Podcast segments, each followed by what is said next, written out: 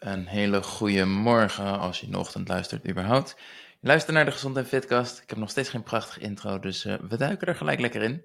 Drie redenen waarom ik mensen voor coaching weiger. Naar aanleiding van een uh, Instagram post afgelopen week, waarin ik aangaf dat grofweg 50% van de mensen die bij me in een gratis coaching sessie komen, vervolgens niet mogen instappen.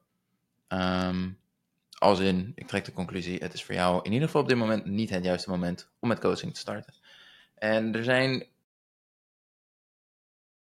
in 95% van de situaties zijn dit zowel.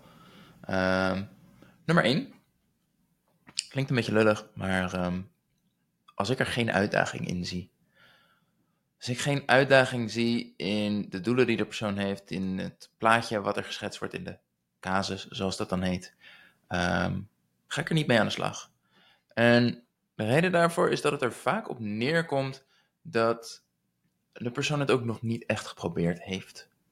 Um, en mist daardoor dus ook gewoon de ervaring om, nou ja, één, zich daadwerkelijk in te zetten. Ik bedoel, ik zie liever dat je het geprobeerd hebt, merkt, hé, hey, het lukt niet. Dan hebben we namelijk een probleem wat we kunnen aanpakken in plaats van, ja, het zou wel leuk zijn als ik een paar kilo afval. Nee, uh, nooit geprobeerd, van, ja, geen zin in eigenlijk, maar uh, wil je me coachen? Word ik niet heel blij van.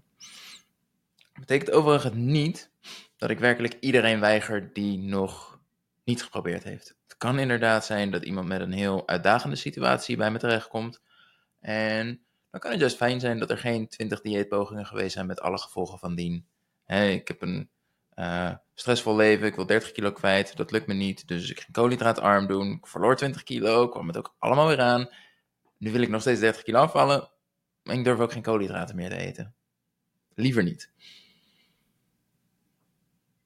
Nummer 2, wanneer iemand niet coachbaar is.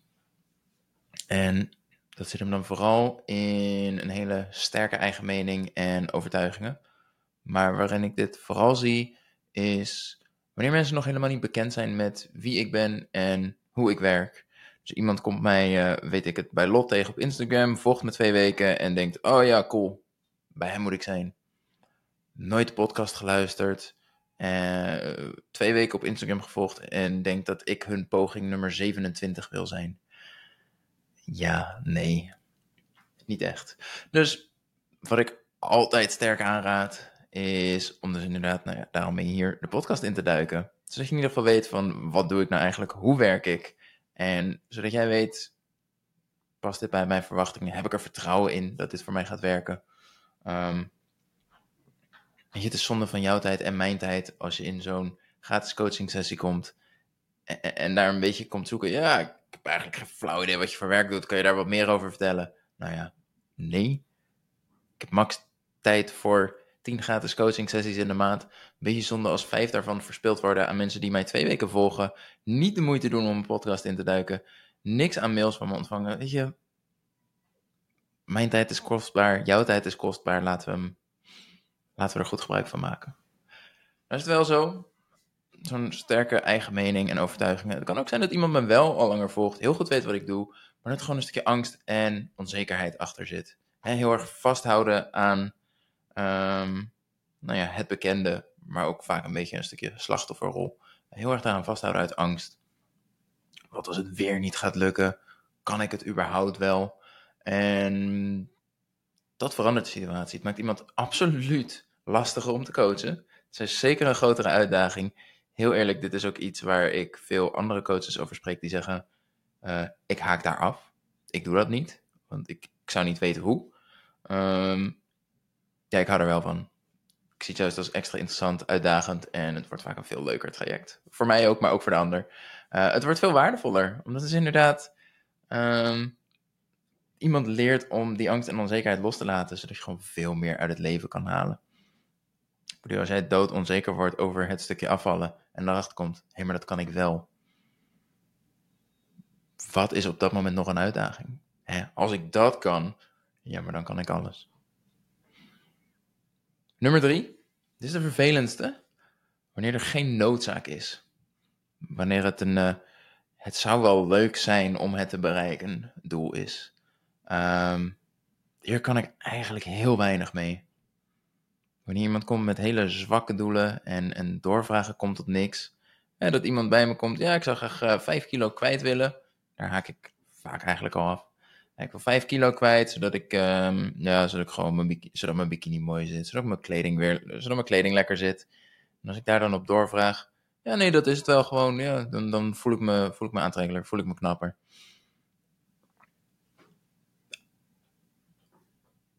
Zo, dan komen we sowieso bij punt nummer 1. Ik zie er geen uitdaging in.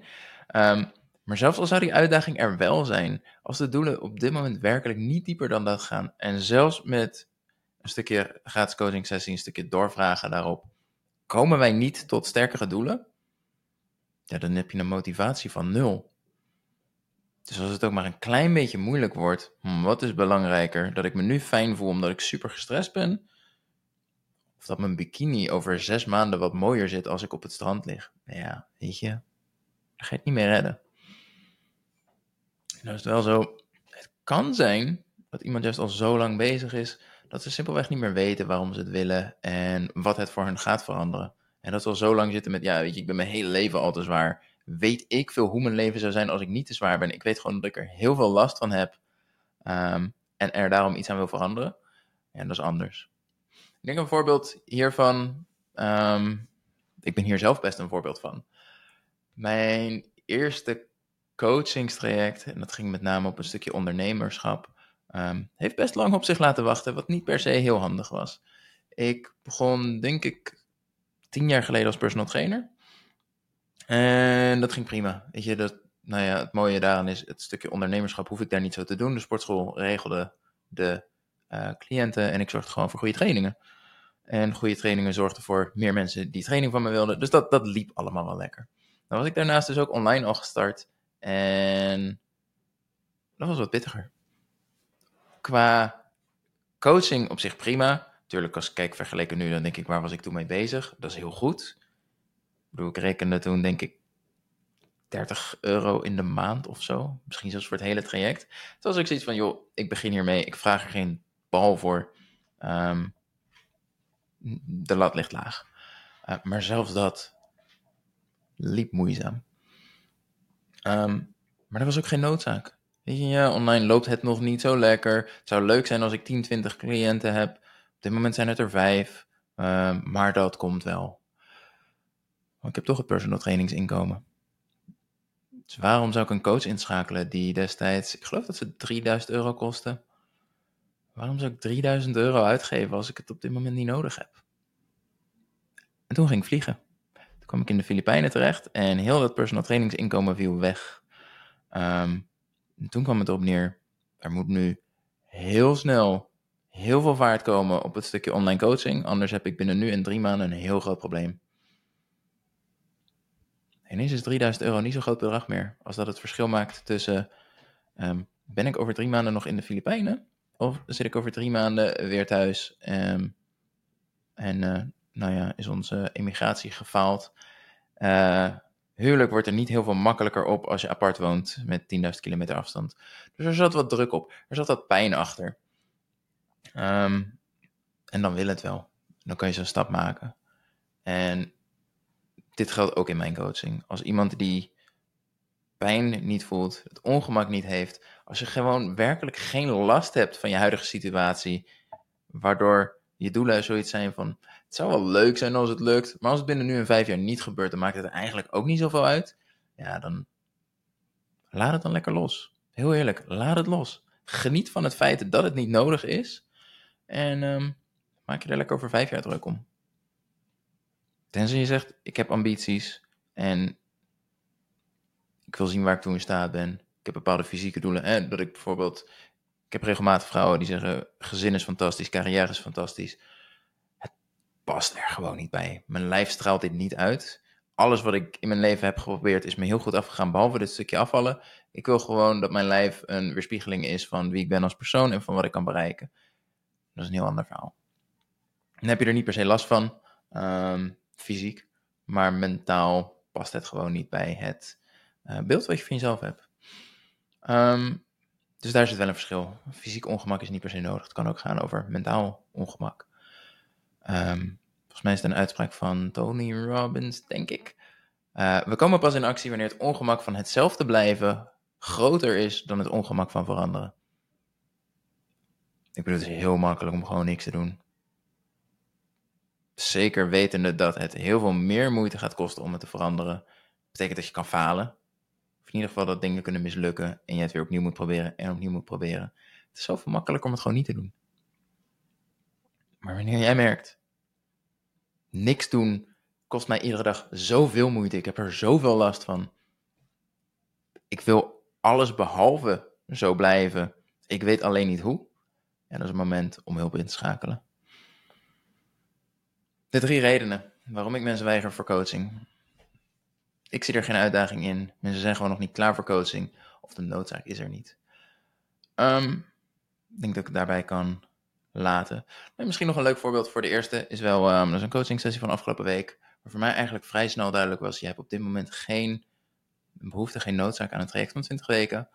Um, en waar eigenlijk haar situatie in de gratis coaching sessie al opgelost kon worden.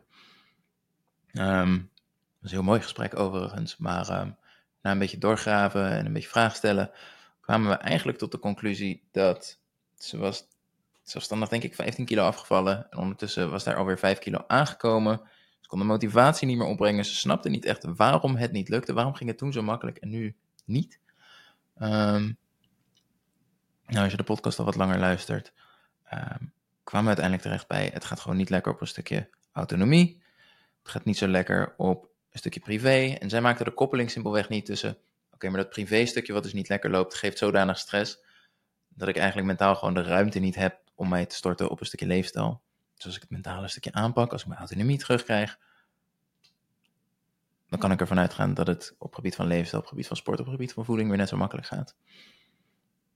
Nou ja, daar hoeven we geen twintig weken aan te werken. Ze wist namelijk heel duidelijk, dit is een concrete situatie, het was een vrij urgente situatie. Dit is de situatie, dit is wat ik eraan kan doen. Um, en dan zien we wel verder. Kijk, mocht het nou blijken, daarna is het nog steeds niet opgelost, cool, dan kunnen we de diepte induiken.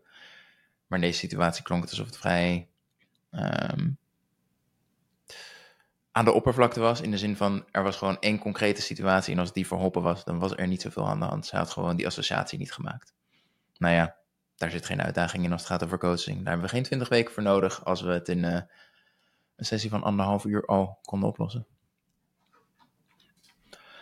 Als je hier nou naar luistert en denkt, dit, um, klinkt precies als waar ik niet aan voldoe. Ik heb juist wel die coaching nodig. Ik heb wel die gratis coaching sessie nodig. Ik wil in ieder geval kijken of coaching wat voor mij is. Um, afhankelijk van wanneer je luistert. De aflevering komt op, uh, wat is het, maandag 17 juli online. Ik heb vanaf volgende week weer plekken voor gratis coaching sessies. Luister je de aflevering veel later, dan kun je me altijd een berichtje sturen via Instagram. Niet geschoten is altijd mis. Maar ik heb maximaal vier plekken voor coaching in de maand. Tien gratis sessies in de maand. Dus um, kan zijn dat er een kleine wachtlijst is, maar um, hoe langer je wacht, hoe langer die wachtlijst wordt. Dus, uh, dankjewel voor het luisteren. Laat een recensie achter op de podcast als je dat nog niet hebt gedaan. En uh, tot de volgende aflevering weer. Hoi.